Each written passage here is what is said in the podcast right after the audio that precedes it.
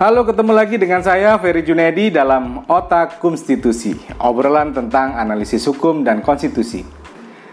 Uh, mari bicara hukum dan konstitusi dan tema kita malam ini, oh, malam ini ketahuan deh. Hari ini kita akan bicara soal gagal umroh.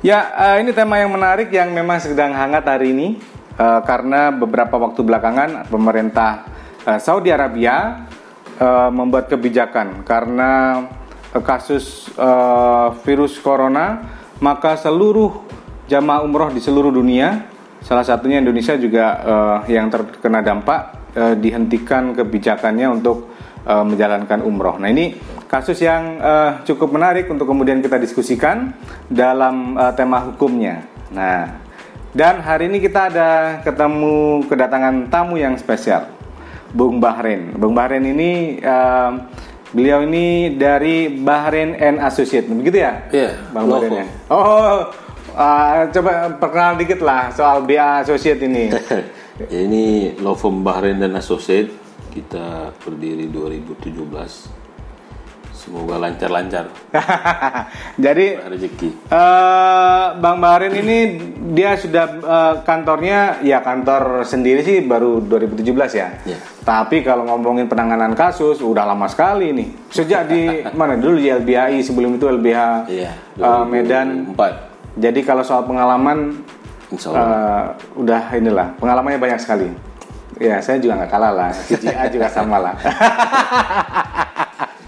Jadi tapi Bang Marin ini punya banyak pengalaman sebenarnya terkait dengan tema yang kita diskusikan soal uh, gagal umroh. Jadi uh, ada beberapa kasus yang kemudian uh, muncul terkait dengan uh, gagal umroh ini karena kalau hari ini kan memang uh, faktanya ada persoalan terkait dengan kasus global yaitu virus uh, corona yang kemudian berdampak pada kebijakan pemerintah uh, Saudi Arabia yang uh, apa untuk sementara waktu uh, memberhentikan proses uh, umroh. Jadi uh, beberapa waktu belakangan ada beberapa jamaah yang bahkan sudah sampai di Saudi Arabia tapi tidak bisa kemudian masuk uh, menjalankan ibadah umroh. Ada beberapa juga yang kemudian sudah uh, berangkat sampai di Soekarno Hatta di Terminal 3 tinggal nunggu check in tapi kemudian batal untuk kemudian berangkat. Nah, ini uh, juga memang menjadi persoalan juga yang kemudian dihadapi oleh uh, jamaah jamaah jamaah umroh begitu. Sudah siap sudah mengeluarkan anggaran tapi kemudian uh, gagal berangkat. Tapi juga kalau berkaca dari pengalaman-pengalaman yang lalu ada banyak persoalan yang kemudian uh, muncul ya terkait dengan persoalan umroh ini. Misalnya kita masih pernah mendengar kasus uh, first travel. Terus ada kasus apalagi bang Marin? Abutur, uh, Abutur dan uh, beberapa kasus yang lain Nah itu juga yang kemudian terdampak itu adalah uh, jamaah umroh. Oleh karena itu menarik sebenarnya kita ngobrolin soal uh, uh, umroh ini. Jadi uh, kita bisa melihat bagaimana kemudian perspektif perlindungan uh, jamaah umroh atau perlindungan konsumennya sehingga persoalan-persoalan ini bisa bisa di ini apa diselesaikan. Nah, Bang Barin, ini kasih dong nih catatan-catatan misalnya. Ini kan banyak nih uh, travel apa banyak uh, jamaah yang kemudian belum bisa berangkat hmm. belakangan hmm. karena memang ada persoalan itu. Nah kira-kira uh, gimana nih? Apakah mereka secara hukum uh, masih memungkinkan untuk berangkat kembali uh, ke tanah suci kalau melihat kasusnya seperti ini begitu? Ya kalau kita berbicara haji umroh itu kan memang kan proses perlindungan negara terhadap proses itu hmm. memang ya. Tapi memang uh, dalam azas azas dari haji dan umroh itu kan ada salah satunya keamanan, keselamatan. Mungkin itu juga jadi poin yang penting juga harus diingat. Kita bagaimana melaksanakan ibadah itu juga harus aman, harus selamat. Nah, mungkin dalam persoalan ini kan memang ini menjadi persoalan dunia ya. Kalau virus yang hari ini mewabah di beberapa negara, kemungkinan kekhawatiran dari pemerintahan Saudi itu uh, masih banyaknya kekhawatiran virus itu akan terjangkit di Saudi. Mungkin itu salah satunya juga. Cuman kalau kita berbicara undang-undang haji dan umroh itu nomor 8 2019 azasnya itu salah satunya itu juga keselamatan, perlindungan, keamanan walaupun itu memang amanah, kemudian syar'i, tugas dan tanggung jawab negara di situ. Tapi di sisi lain memang ini kan pertarungan kesehatan ya. Ini kan bukan berarti harus meninggal di Mekah, tapi keselamatan itu kan penting bagaimana melaksanakan ibadah selesai melaksanakan kewajiban kemudian bisa kembali dengan selamat. Ya ini, Ini berarti juga salah satu pertimbangan dari pemerintahan Saudi. Kemudian pemerintahan kita juga melihat itu salah satu faktor juga kan. Hmm, jadi memang eh, kalau kita melihat eh, kasus yang belakangan muncul gagal eh, berangkat umroh ini eh, memang ini ya apa ini merupakan salah satu antisipasi ya Ya. untuk menjaga keselamatan dan keamanan Cuman eh, kan yang, yang ya. jadi persoalan ini kan bagaimana orang yang sudah ada jadwal, kemudian sudah beli tiket, Iya, kemudian kemarin visa kan kita udah bersiap eh, bulan April mau berangkat ya. Amin ya Allah, semoga jadi. persiapan yang mungkin yang baru-baru terjadi ini harus ada juga proses yang pendeteksian dini dari pemerintah. Apakah solusinya itu dijadwal ulang, ya kan? Kemudian karena kan tiket kalau sudah dibeli khawatir itu Nggak bisa refund Ya misalnya bisa. kan. Tapi kalau alasan-alasan tertentu, karena ini kan alasannya bukan alasan sederhana ya, alasan yang memang kondisi dunia, ya. Artinya kalau ada proses yang seimbang, artinya Ya. bisa dijadwal ulang atau eh, akan terjadi proses baik visa, kemudian hotel, kemudian tiket, ya kan, kemudian hal-hal yang berkaitan dengan umroh. Hmm. Karena ini ini kan jadwal umroh ini kan sudah berproses dia. Iya udah dalam satu musim lama sekian juga. lama itu udah dijadwalin. Apalagi yang mengeluarkan eh, visa itu kan pemerintahan Saudi Arabia Hmm, juga kan. kemungkinan kan ketika itu sudah dikeluarkan otomatis kan punya jadwal. Punya jadwal dalam arti berapa lama eh, visanya berlaku nah kalau it- hal seperti itu kita mungkin akan dimudahkan lah dengan pemerintahan Arab Saudi apakah nanti bisa proses ulang atau apa Nah, apa yang harus dilakukan oleh pemerintah nih? Em, kalau melihat eh, kondisi eh, sekarang ini kan memang eh, ya kita nggak bisa bilang ini kesalahan siapa pun kan, karena memang persoalannya adalah ada kondisi global, ada persoalan terkait dengan eh, apa eh, virus corona yang kemudian sekarang juga sudah mulai menyebar ke mana-mana kan, Eh, Iran salah satunya sudah mulai muncul, Korea juga kemarin eh, perkembangan juga cukup pesat. Nah, ada beberapa negara yang kemudian muncul. Jadi kan ini langkah antisipatif juga sebenarnya bagi pemerintah Arab Saudi untuk kemudian menghentikan. Nah, tapi pertanyaan gini bang, kalau ko- kondisinya seperti ini nih, kan nggak mungkin juga nih. Kadang-kadang jemaah umroh kita ini untuk bisa berangkat umroh nih, nabung dulu kan lama sekali kan. Nah, tiba-tiba ini sudah siap dan sebagainya harus berangkat tapi nggak bisa. Nah, apa yang harus dilakukan oleh pemerintah? Misalnya soal proses refund tiket, uh, soal apa hotel. Jadi Uh, memungkinkan nggak misalnya uh, apa gimana caranya supaya jemaah ini dia tetap bisa uh, berangkat kembali gitu meskipun hari ini uh, gagal gitu? Nah, kalau itu sebenarnya kan tanggung jawab dari pihak travel sendiri. Pemerintah dalam hal ini kan proteksi saja hmm. apalagi kalau karena tanggung jawab umroh itu ada di travel masing-masing. Beda kalau haji. Ya kalau haji kan memang ditangani langsung oleh Kementerian Agama, kemudian bisa bypass langsung pemerintah, baik segala eh, penerbangan, kemudian eh, penginapan di sana memang handle handlingnya itu ada pemerintah. Tapi kalau umroh ini tanggung jawab dari pihak travel masing-masing, oke. Karena baik tiket, visa, kemudian LE yang di Saudi Arabia.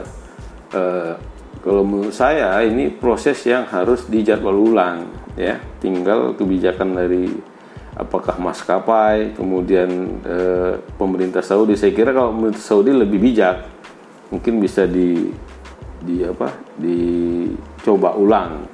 Karena kalau pemerintahan Saudi itu lebih fair dia melihat eh, karena Indonesia ini penyumbang sekitar 5 500 ribu atau satu juta jamaah umroh. Itu umroh ya dalam, satu tahun satu tahun itu ya dalam satu musim. Nah, dalam satu musim. Tapi kan hari ini kita berbicara bukan persoalan ekonomis atau keuntungan lagi. Karena ini kan pesan yang sangat penting. Tidak hanya kita harus umroh, tapi demi keselamatan kita juga gitu. Bisa saja eh, pemerintah Saudi ini mungkin sudah mendeteksi potensi-potensi virus itu dari mana saja. Salah satunya mungkin dari Indonesia. Tapi menurut pemerintah Indonesia kan belum ada virus Ya, itu kan. pemerintah Indonesia belum. Nah, tapi pemerintah juga harus bijak juga melihat kondisi ini apakah memang ada atau tidak kan gitu. Jangan sampai ditutup-tutupi. Artinya apakah Indonesia sudah mulai terdampak atau tidak. Jangan sampai eh, negara kita mengatakan kita tidak terkena virus, tapi nyatanya sudah ada orang yang mulai tapi belum ada secara resmi pemerintah mengatakan apakah ada virus virus terjangkit di Indonesia atau tidak. Tapi faktanya ada beberapa orang yang diindikasikan, tapi nggak tahu kita ini sikap pemerintah kita belum belum jelas. Iya, tapi beberapa pemerintah Saudi sudah mengatakan termasuk Indonesia untuk tidak diberangkatkan. Mungkin itu juga faktor karena kan kita penyumbang eh, umroh Terbesar. Oh, ya. Ya, 500 ribu sampai 1 juta. itu besar Satu juga musim. ya. Kalau satu musim eh, sebanyak itu kan besar juga ya. Cuman kan kita nggak tahu apakah pemerintah Saudi itu melihat ini ya secara ekonomi ya mungkin hitung-hitungannya untung, tapi kan ini kan persoalan keselamatan, keselamatan baik keselamatan pemerintah Saudi dalam arti negaranya, termasuk juga Indonesia keselamatan itu penting juga karena kan ajas dari Undang-Undang 8 2019 itu Perlindungan ya. Haji dan umroh selain eh, berajas terhadap eh, pelaksanaan ibadah, tapi di situ ada proteksi terhadap keselamatan, keamanan, bagaimana caranya mereka pergi kemudian bisa kembali dengan selamat. Artinya kalau kita melihat kasus yang eh, belakangan muncul, memang mestinya eh, apa perusahaan travel umroh ini juga harus mulai eh, berpikir bagaimana kemudian Bisa mengulang. Iya, apa menjadwalkan ulang gitu ya, supaya mereka juga bisa berangkat nantinya ketika misalnya eh, persoalan terkait dengan eh, virus corona ini bisa selesai Iya. dan jadwal umroh sudah dibuka, maka itu eh, memungkinkan sebenarnya ya untuk kemudian dijadwalkan.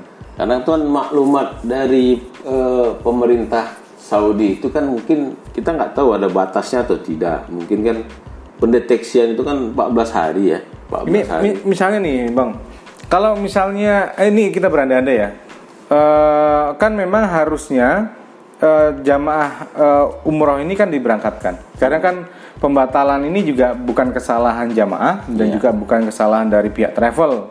Nah, tapi kalau kemudian eh, kita nggak berharap ya, kita berharap bahwa semua travel umroh sudah mulai eh, berhitung, sudah mulai memikirkan bagaimana kemudian penjadwalan. Kan harus diurus lagi kan, misalnya terkait dengan tiket, refundnya bagaimana, eh, bukan refund kali penjadwalan tiket, misalnya penjadwalan keberangkatan, terus hotel di sana dan sebagainya kan harus di- dipersiapkan semuanya oleh eh, pihak travel. Tapi seandainya misalnya ada kasus kita tidak berharap ya. Misalnya ada jemaah yang tidak bisa diberangkatkan gitu. Apa yang kemudian bisa dilakukan oleh jamaah? Karena misalnya bisa jadi ya eh, peru- apa perusahaan travel umroh gagal eh, menjadwalkan ulang dengan maskapai, maskapai tidak mau apa eh, menjadwalkan keberangkatan ulang karena misalnya tiket dianggap dianggap hangus misalnya. Wah, nah itu kalau misalnya terjadi kayak gitu apa yang harus dilakukan oleh eh, para jamaah ya? Kalau menurut saya itu nggak mungkin karena proses penerbangan itu kan ini bukan eh, kesalahan semua pihak, tapi memang keadaan itu yang memang dilihat kayak post mayor gitu lah kan. Ya, force Kondisi yang luar biasa dalam posisi ini. dan bukan kesalahan siapa pun begitu saya ya. kira eh, pihak penerbangan dalam hal ini maskapai baik itu maskapai yang tujuan ke Saudi itu sudah bisa berhitung.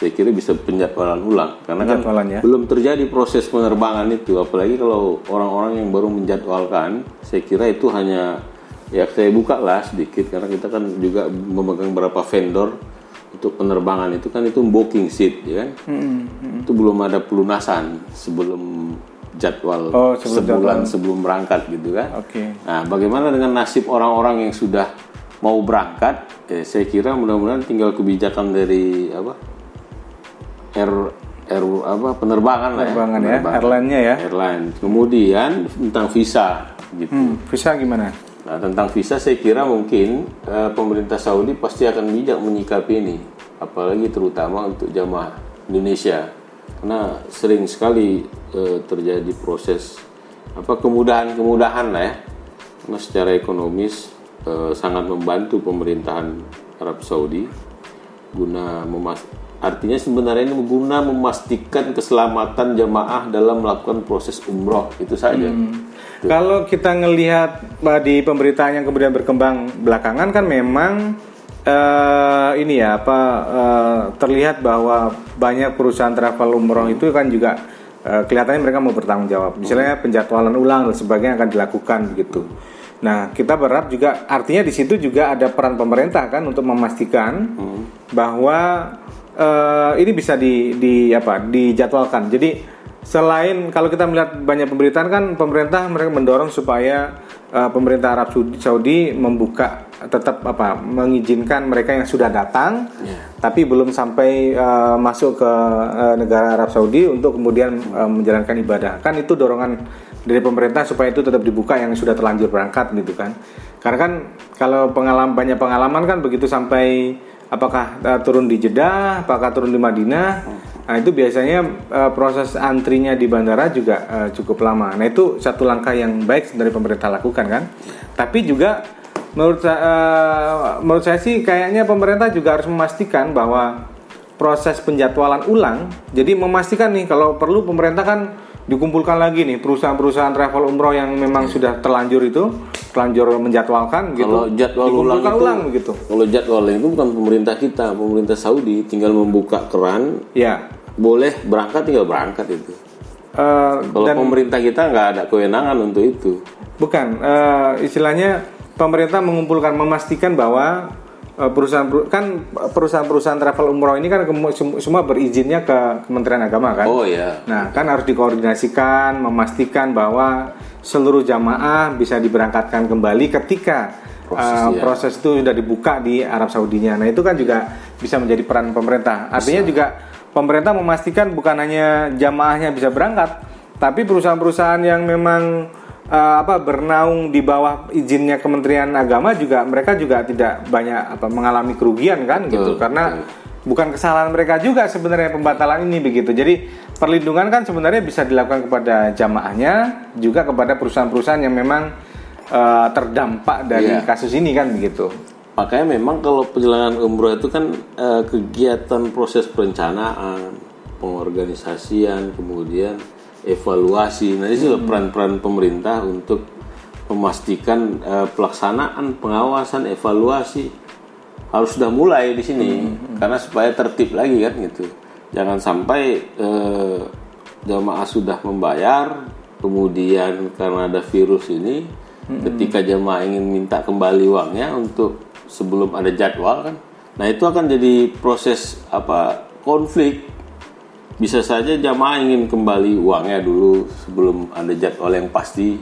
Dia bisa gunakan dulu atau memang eh, syukur-syukur ada yang rela dulu sampai betul-betul jadwal yang tepat baru mereka berangkat kan gitu karena fungsi dari apa penyelenggaraan ibadah haji dan umroh itu kan proses perencanaan pengorganisasian pengawasan evaluasi kemudian pelaporan haji dan umroh itu sudah sesuai nggak dengan azasnya kan gitu. Ya. karena penting kita lihat mungkin kan ini proteksi keselamatan. Jangan sampai jamaah berangkat kemudian pulang sudah terdampak. Mungkin itu aja pencegahan awal aja nih proteksi-proteksi yang mungkin dilakukan oleh eh, Sebagai langkah antisipatif itu eh, Iya, penting lah yang dilakukan ya. penting. cuman kan kita nggak ingin konyol juga semuanya kita kasih berangkat. Tahu-tahu semuanya membawa virus ke balik ke negara kita kan konyol juga ya kan Ya itu mungkin salah satu yang difikirkan oleh pemerintah Arab Saudi ketika misalnya jangan sampai kemudian proses eh, peribadatan yang apa proses harusnya umroh berjalan dengan aman yang harus berjalan dengan aman. lancar kan eh, justru eh, apa menjadi apa apa ada dampak yang negatif ya dari proses eh, berjalan. Nah apalagi ini kan persoalan syariat ya kan Iya. nggak mungkin ini konyol lah untuk dilaksanakan oleh kita berharap sih memang ini akan eh, apa ya eh, badai segera berlalu lah. Jadi persoalan virus corona mungkin segera uh, selesai sehingga uh, masyarakat Indonesia yang memang sudah menjadwalkan untuk berangkat umroh bisa juga uh, uh, berjalan begitu ya dan segera dibuka jadwal untuk uh, keberangkatan umroh dan yeah. kita berharap juga sebenarnya uh, ya nanti uh, mestinya juga apa uh, harapannya sih ada andil pemerintah untuk mengkonsolidasi atau mengkoordinasikan dengan perusahaan travel umroh yeah. uh, supaya juga memastikan penjadwalan ulang bagi jemaah yang sudah misalnya membayar dan sebagainya sudah sempat mau berangkat itu juga bisa berangkat pada akhirnya begitu. Jadi ya sama-sama inilah namanya pemerintah kan juga harus meng, apa mengayomi seluruh pihak ya baik atau ada cara cara lain. Cara lain itu seperti bagaimana uh, rekomendasi lobby-lobby diplomasi itu kan boleh ke sana tapi proteksi awal ketika memang uh, dinas kesehatan mengatakan ini clear tidak ada masalah boleh berangkat gitu kan. Hmm. begitu juga proteksi di bandara di uh, uh, apakah di Ajis atau di umroh di Madinah okay, atau, di Madinah gitu ya. Ketika dianggap clear jalan bisa saja cuman kan memang butuh formulasi yang tepat antara kedua belah pihak apakah Indonesia atau pemerintahan Saudi Arabia mm-hmm. nah, kalau mereka kalau pemerintah kita dalam hal ini Kementerian Luar Negeri bisa melakukan proses negosiasi itu saya kira nggak ada masalah yeah. tinggal peran pemerintah kalau ingin betul-betul haji atau umroh ini bisa berjalan tinggal negosiasi diplomasi saja mudah-mudahan bisa berjalan. Yeah. Apalagi saya dengar uh, Menteri Luar Negeri kita ini sedang melakukan lobby-lobby bagaimana proses umroh ini bisa berjalan. Tetap berjalan ya. Namun kan tidak boleh juga meng menghilangkan azas dari proses haji dan umroh itu dalam menjalankan syariat, kemudian menjalankan ibadah. Di situ juga ada beberapa azas yang harus diperhatikan seperti proteksi keselamatan, kemudian kenyamanan, ya kan jangan sampai uh, justru ketika pulang dari umroh mereka terdampak kan gitu yeah. itu akan jadi masalah baru bagi negara kita kan gitu Makanya, intinya negara mestinya juga tetap harus hadir ya dalam proses ini untuk memastikan bahwa jemaah tetap bisa berangkat yeah. travel umroh pun juga tidak mengalami kerugian yang sangat yeah. serius karena itu ekonomi eh, sangat secara ekonomi oh, sangat banyak sekali yang dirugikan apalagi yeah Sebenarnya virus corona ini sudah menghancurkan potensi ekonomi. Cukup Apalagi iya. penerbangan hari ini justru menjual tiket sangat murah. Karena ternyata wisatawan Cina itu mendominasi dari dulu. Iya. iya. Nah, ketika Cina kena virus eh, dikatakan virus corona justru wilayah-wilayah itu menutup diri kemudian anjlok sekali itu hmm. penerbangan hmm. baik dalam dan luar negeri Cina itu. Tapi kalau bicara soal perlindungan oh ini ya, Bang Baren ya, uh, soal perlindungan konsumen bagi uh, jemaah uh, umroh, ini kayaknya menjadi satu isu yang uh, sebenarnya menarik ya, yeah. karena kalau beberapa tahun belakangan kan ini juga menjadi kasus yang uh, banyak muncul gitu. Nah, uh, kalau posisi hari ini kan karena memang force major, jadi nggak ada istilahnya kita mengatakan ini bukan karena kesalahan yang disengaja, tapi karena memang kondisi global yang memang uh, seperti ini. Tapi kalau misalnya pengalaman Bang Bari nih di beberapa kasus yang lalu saya saya tahu Bang Bari ini pegang beberapa kasus terkait dengan kasus-kasus ini ya uh, travel uh, umroh ini. Uh, boleh nggak Bang bercerita sedikit beberapa kasus yang uh, belakangan muncul? Misalnya apakah mungkin travel first travel atau Abu Tur ini kan kasus sudah putus jadi nggak yeah, apa-apa yeah, kan kita yeah, diskusi yeah. sebagai kalau first travel uh, itu ya. uh, memang banyak sekali kesalahan-kesalahan dalam manage perusahaan kalau dari beberapa proses itu. Selain dia buat harga murah kemudian nggak masuk dalam uh, kajian dari dirjen ke haji dan umroh. Makanya begitu tidak terjadi berangkat justru membuat mereka itu jadi jadi apa uangnya habis kemudian jamaah nggak jadi berangkat kan gitu. Hmm. kemudian kalau putusan first travel sendiri itu sudah terjadi homologasi namun homologasi itu pun tidak pernah terjadi sama itu, sekali. Tinggal itu maksudnya kesepakatan, kesepakatan untuk, untuk berdamai itu sudah terjadi. Kalau di kasus Abu Tur, oh, kalau first, first travel itu ada perdamaian ya? Ada. Dia kan oh. dalam PKPU itu kan mengajukan perdamaian bagaimana cara dia membayar proses utang 1,3 triliun. Hmm. dari proses eh, dari apa pengurus pengurus itu karena belum jatuh dalam pilot maka sebutannya pengurus melakukan audit terhadap kreditur kemarin itu terakhir di angka 1,3 tapi pastinya itu ya nggak jauh-jauh seperti itu cuman bertolak belakang sih dengan proses pidananya katanya polisi mengamankan hanya 50 atau 30 miliar Jadi ada dua kalau di kasus uh, first travel itu ada dua mekanisme ya. Pem- Iya. uh, pidananya berjalan, Iya. tapi keperdataan dalam artian uh, kepailitannya juga Iya, waktu itu karena berjalan kan- ya. eh, apa namanya tagihan-tagihan itu yang belum yang harus dibayarkan kewajiban eh, first travel kepada kreditur semua jamaah vendor semua Kalau total- terhadap kasus yang model begitu itu, bagaimana uh, memberikan perlindungan kepada konsumennya, kepada jamaah? Jadi memastikan bahwa jamaah uh, dilindungi gitu haknya untuk bisa Nah, umrah. kalau posisi kemarin sebenarnya first travel itu masih ada anggaran kemudian ada aset. Cuman kan proses pidana ini yang membuat suasana ini jadi kacaunya. Harusnya dia bisa memberangkatkan dengan modal yang dia miliki kan gitu. Walaupun memang tidak semua tapi dia berusaha bagaimana homologasi itu tercapai. Nah makanya semua jamaah menerima proses perdamaian dengan skema setahun pemulihan perusahaan tahun depan baru proses pemberangkatan. Cuman ini kayaknya udah berjalan setahun lebih. Nggak ada proses apa pun. Mungkin kita bisa melihat itu karena di pidananya dia sudah apakah asetnya hilang atau apa nggak tahu. Jadi polemik dia polemik di kejaksaan di kepolisian bahkan di proses peradilan karena tidak sesuai lagi dengan apa yang di eh, apa namanya disita dan proses penyelesaian di pengadilan pidana. Karena katanya tinggal 50 miliar lagi. Sementara pengurus pada saat itu melakukan proses eh, pengurusan terhadap hasil-hasil kreditur itu sekitar 1,3 triliun kalau nggak salah ya. juga ya. pastinya ya. Kalau uang segitu berapa jamaah bisa berangkat itu ya? oh 60 ribu. 60 60 ribu? 60 ribu jamaah harusnya sih bisa jalan ya bisa eh, bisa. jamaahnya. Eh, artinya sama kalau seperti Abu Tur Abu Tur itu justru 90 ribu 1,8 triliun katanya. Oh abutur itu? Tapi sudah pilot. Jadi sudah pilot kemudian sekarang sudah proses eh, apa namanya di kurator itu lelang-lelang aset. Nah kemungkinan kita nggak tahu apakah dari proses lelang aset itu nanti hasilnya itu mau diberangkatkan lagi atau dibagi secara proporsional oleh kurator. Ke seluruh ini jamaah gitu. Ya mungkin dari dari 14 juta itu jamaah bisa dapat 100 ribu atau 500 ribu. oh, cuma segitu ya? Kan proporsional. ya ya ya, ya. Dihilangkan dulu dari persoalan apa namanya bayar bank, pajak dan ada beberapa kreditur yang diutamakan itu kan dari undang-undang pilot itu.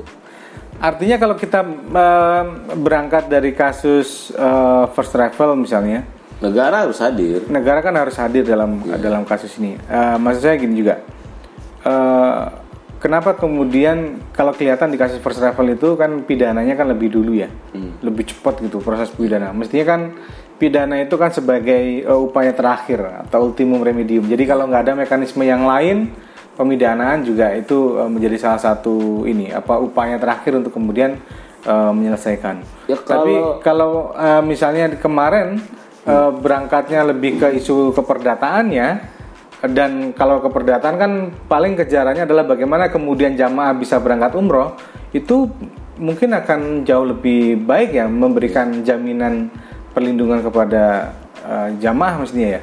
Seharusnya peran jaksa itu kan bisa sebagai kurator. Kalau dia melihat eh, masih ada aset, masih ada apa, harusnya dia bertindak sebagai kurator. Karena mungkin homologasinya nggak berjalan. Hmm. Mungkin jaksa juga eh, khawatir juga asetnya di mana kan gitu. Karena sudah katanya sudah hilang atau sudah menyusut, nah nggak tahu. Makanya lagi ada proses pembentukan tim oleh jaksa agung untuk melihat ini mau dibawa ke mana arahnya karena kan putusan pidananya itu kan kalau beberapa pihak makan sudah ngacau karena harusnya itu diserahkan kembali ke jamaah. Ini kan disita oleh negara, nggak ada kaitan apa pun sama negara sebenarnya karena Iya. proses itu kan bisnis to bisnis antara jamaah dengan perusahaan. Dan harusnya kan yang diselesaikan sebenarnya kejarannya bukan hanya soal pidananya kan. Iya. Mungkin pidananya eh, pidananya memang terbukti, tapi kan yang paling penting sebenarnya bukan hanya soal menghukum seseorang kan, tapi yang paling penting juga bagaimana kemudian jamaah itu bisa berangkat. Kayaknya eh, itu yang memang harus menjadi perhatian pemerintah ya terkait dengan perlindungan eh, terkait dengan umroh ini. Harusnya. Makanya karena kalau masalah kembali ke virus virus tadi ada solusi tapi negosiasi secara diplomasi bagaimana dari mulai proses di Indonesia itu proteksi dari Menteri Kesehatan atau Dinas Kesehatan semuanya clear berangkat di sana juga diproteksi kan gitu bisa saja. Cuman pertanyaannya negara mau nggak melakukan hal seperti itu? Ya kan apalagi melihat kondisi Abu Tur, kemudian kondisi first travel yang justru sama sekali seperti tidak ada apa? Tidak ada pengawasan sehingga jebol semua di angka 14 juta yang harusnya hitung-hitungannya 20 atau 21 juta di angka 14 juta jebol juga kan rugi jadi masyarakat Nah ini eh, memang jadi satu persoalan yang serius yang eh, tentunya eh, kalau sudah kasusnya sebesar ini mestinya bukan hanya urusan bisnis to bisnis juga. Oh iya. Negara juga harus tetap andil untuk kemudian memastikan bahwa perlindungan terhadap jamaah umrohnya juga bisa eh, terpenuhi. Terus kemudian perusahaan-perusahaan eh, travel umroh juga bisa tetap berjalan beroperasi. Karena kalau enggak juga ini urusannya juga eh, soal perekonomian juga kan akan ada guncangan dan sebagainya. Nah, eh, solusinya sih tadi yang ditawarkan sebenarnya menarik juga ya kalau kemudian pemerintah mulai melakukan lobby ya ke diplomatik lah lobby diplomatik untuk memastikan tetap bisa berangkat misalnya. Tapi dengan misalnya eh, apa eh, tetap diperketat proses untuk masuknya dan sebagainya soal kesehatan Sebenarnya sudah, itu sudah. Karena kan setiap jamaah yang mau berangkat kan ada suntikan meningitis atau apa tuh suntikan untuk eh, umroh. Iya. Nah hari ini dengan adanya itu proteksi lebih ditingkatkan lagi gitu loh. Sehingga eh, azas dari Undang-Undang 8 2019 itu tentang haji dan umroh betul-betul berjalan azasnya. Syariat berjalan, keamanan berjalan, perlindungan berjalan, ya kan? Sehingga betul-betul azas dalam eh, proses haji dan umroh itu bisa berjalan secara efektif. Karena ini kalau tidak ada jangka waktu yang diberikan statement oleh pemerintahan Saudi, ini akan berdampak ke proses haji kita ke depan. Iya, bulan apa ya? Sekitar Haji bulan-bulan Juni, atau Juni Juli atau kan? Juli ya? Iya, iya. Artinya kalau tidak ada kejelasan jadwal waktu dan itu memang ya susah juga mendeteksi eh, selesai kapan tuh virus karena kan bisa aja virus tuh eh, di mana-mana kan. Tapi dengan kondisi hari ini ketika ini bisa nggak bisa dievaluasi kemudian nggak bisa dilakukan negosiasi ini akan berdampak ke jamaah haji kita ke depan. Atau jangan-jangan ke depan yang betul-betul parah sekali proses ini nggak bisa ditangani, masyarakat Indonesia nggak bisa berangkat ke Mekah kan kan ke Baitullah kan untuk melaksanakan syariat. Iya. Kalau ini tidak betul-betul tidak di apa dievaluasi, diorganisir dengan baik oleh pemerintah kita, khawatir kita justru akan menghambat proses ibadah yang seharusnya kita laksanakan. Itu. Makanya peran negaranya sangat penting untuk melakukan eh, lobby, negosiasi walaupun secara syariat ya itu kan urusan Allah lah kan tentang kita bisa ke sana atau tidak. Tapi kan ada usaha bagaimana jalan perencanaan, kemudian negosiasi, kemudian proteksi, keamanan dan perlindungan jamaah itu bisa maksimal. Artinya nggak nggak lepas tangan ini karena ada virus kita nggak bisa berangkat. Nggak.